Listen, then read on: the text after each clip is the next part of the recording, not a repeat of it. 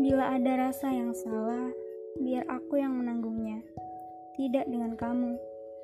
Jika rasa dapat berubah, mungkin kini terasa gembira tentang suaramu yang aku suka. Tidak masalah, walau hanya sekedar suara.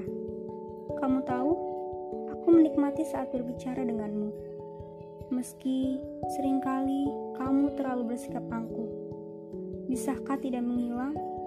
Sampai aku menemukan sosok nyata yang bisa aku pikirkan.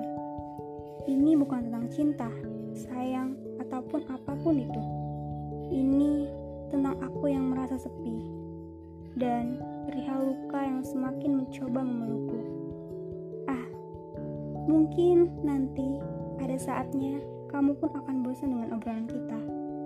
Aku paham, karena kita tak nyata. Jadi, saat kamu sudah merasa bosan, tetapi aku masih saja mengganggumu, maka beritahu aku agar aku berhenti mengusikmu. Sebab aku mengerti bahwa setiap orang akan datang dan pergi, seperti halnya pergantian matahari menjadi rembulan atau pelangi selepas hujan. Katakan padaku ketika kamu mulai tak nyaman dengan ketidakjelasanku.